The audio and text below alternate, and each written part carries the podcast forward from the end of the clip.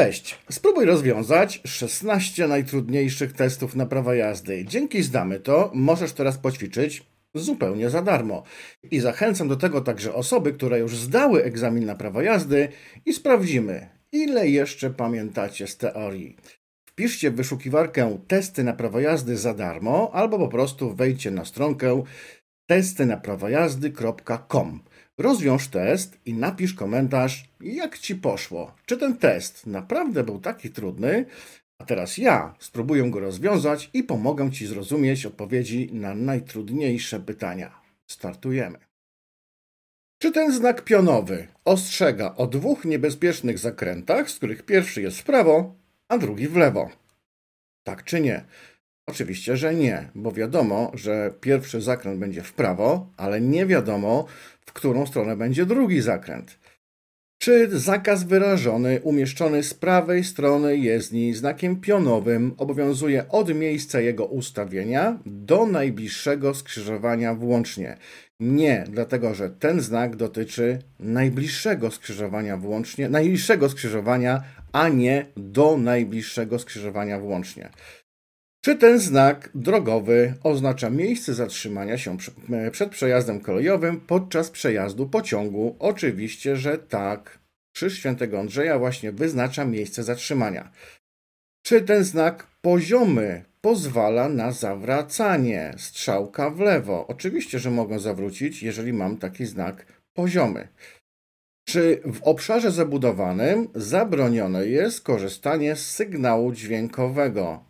Pytanie podchwytliwe.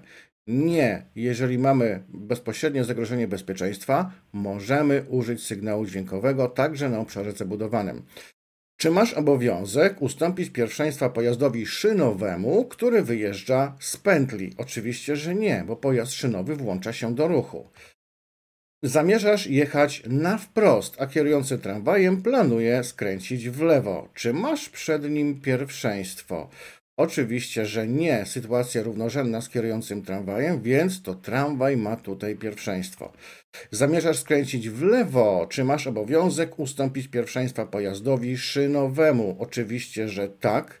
Znowu, tramwaj ma taki sam sygnał jak i ja, sytuacja równorzędna. Ja skręcam w lewo, tramwaj jedzie prosto, więc to tramwaj ma pierwszeństwo, a nie ja.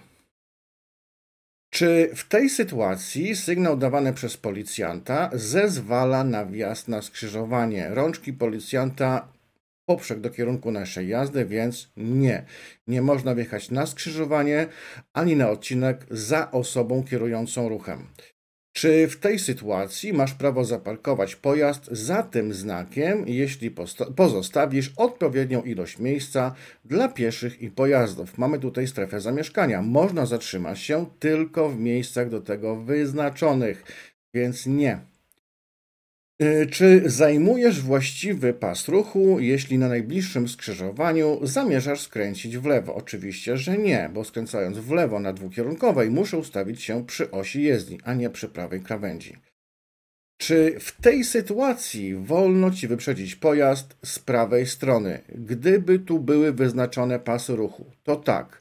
Nawet w tej sytuacji, bez wyznaczonych pasów ruchu, gdyby ten pojazd skręcał w lewo, to też można by było wyprzedzić, ale on nie skręca, a pasów tutaj nie ma, więc nie mogę go wyprzedzić z prawej strony. Czy w tej sytuacji podczas omijania pojazdów musisz zawsze zachować szczególną ostrożność? Nie, nie musimy zachowywać szczególnej ostrożności podczas omijania, Chyba, że byłby to pojazd nauki jazdy albo pojazd egzaminacyjny z literką L na dachu, to wówczas do omijania tego pojazdu tak, ale generalnie to nie. Wystarczy ostrożność. Czy stojąc przez kilka minut bez ruchu w zatorze drogowym, czyli korku, pomiędzy innymi pojazdami, na tym samym pasie ruchu masz prawo wyłączyć światła. Co ciekawe, można wówczas wyłączyć światło, jeżeli przede mną i za mną stoją inne pojazdy. Czy kierując pojazdem od zmierzchu do świtu, masz obowiązek stale zachować szczególną ostrożność? Okazuje się, że nie. W nocy szczególna ostrożność nie jest wymagana. Czy w tej sytuacji masz obowiązek zatrzymać pojazd przed przejściem dla pieszych? Panowie tutaj sobie grzecznie rozmawiają przed przejściem dla pieszych, kilka kroków od tego przejścia dla pieszych. Nie zamierzają wejść, nie są wchodzącymi, więc nie mam obowiązku zatrzymywać pojazdu przed przejściem. Czy w przedstawionej sytuacji, jadąc prosto przez skrzyżowanie, musisz zachować szczególną ostrożność? Oczywiście, że tak. Dojeżdżając do skrzyżowania, muszę zachować szczególną ostrożność. Czy w tej sytuacji jesteś obowiązany do upewnienia się, czy nie nadjeżdża tramwaj? Oczywiście, że muszę się upewnić, niezależnie od tego, czy mamy sygnalizację świetlną, czy jej nie mamy, więc muszę się upewnić. Tak, jestem obowiązany. Czy na obszarze zabudowanym masz obowiązek włączyć światła awaryjne, aby zasygnalizować postój uszkodzonego pojazdu, który znajduje się poza jezdnią? Jeżeli on znajduje się poza jezdnią, to nie. Y, czy przy stężeniu 0,1 promila alkoholu we krwi dozwolone jest kierowanie pojazdem samochodowym? Przy 0,1 to jeszcze można. Jakiej prędkości nie wolno ci przekroczyć, jeśli kierujesz samochodem osobowym z przyczepą po autostradzie? Przewiniemy troszeczkę, żeby zobaczyć właściwe odpowiedzi. 80 km na godzinę nie można mi przekroczyć. W którym miejscu wskaźnika bagnetowego, aha, trudne pytanie, powinien znajdować się ślad oleju, aby oznaczało to prawidłowy jego poziom? Prawidłowy to pomiędzy znakami minimum a maksimum. Czy kierując samochodem osobowym w tunelu o długości 600 metrów położonym w obszarze zabudowanym masz obowiązek utrzymać bezpieczny odstęp od poprzedzającego pojazdu nie mniejszy niż 50 metrów. Podkreślam, w obszarze zabudowanym. Nie, ten przepis dotyczy jazdy tunelem poza obszarem zabudowanym. Którą z tych czynności masz obowiązek wykonać podczas wyprzedzania samochodem osobowym we mgle poza obszarem zabudowanym? Dawać krótkotrwałe sygnały dźwiękowe, nie świetlne, ale dźwiękowe.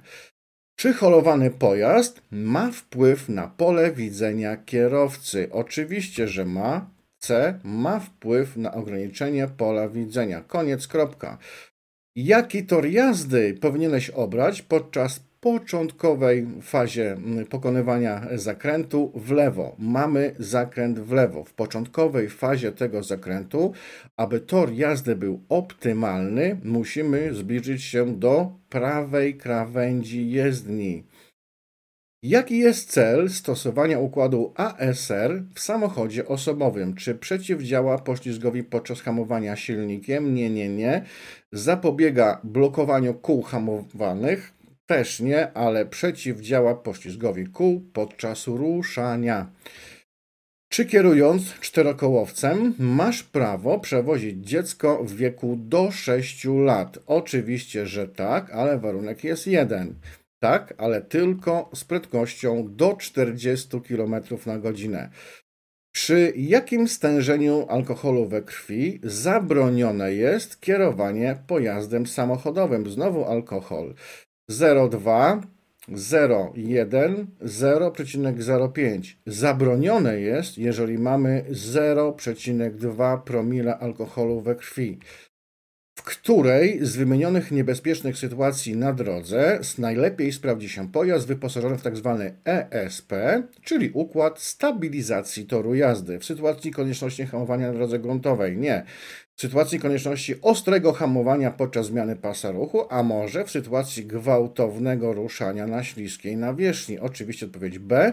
W sytuacji konieczności ostrego hamowania podczas zmiany pasa ruchu, układ stabilizacji toru jazdy? Odpowiedź właściwie jest w samym pytaniu. Co należy zrobić w przypadku poważnego zranienia przedramienia wywołującego krwotok? Unieść ramię powyżej wysokości serca bez opatrywania? Nie, nie, nie. Założyć opaskę uciskową powyżej rany, a może zrobić opanek uci o, o, o, założyć opatrunek uciskowy jałowy z gazy i unieruchomić. Moim zdaniem to będzie C. Właściwie jestem pewien, że będzie odpowiedź C. Założyć opatrunek uciskowy, jałowy z gazy i unieruchomić. Jak należy prawidłowo rozpocząć resuscytację krążeniowo-oddechową małego dziecka, przedszkolaka, u którego doszło do nagłego zatrzymania krążenia prowadzon, prowadzoną przez jednego ratownika. 5 oddechów wstępnych, następnie 30 uciśnięć i dwa wdechy. Kapitalnie, 74% punktów, przepraszam, i tego Wam życzę. Max.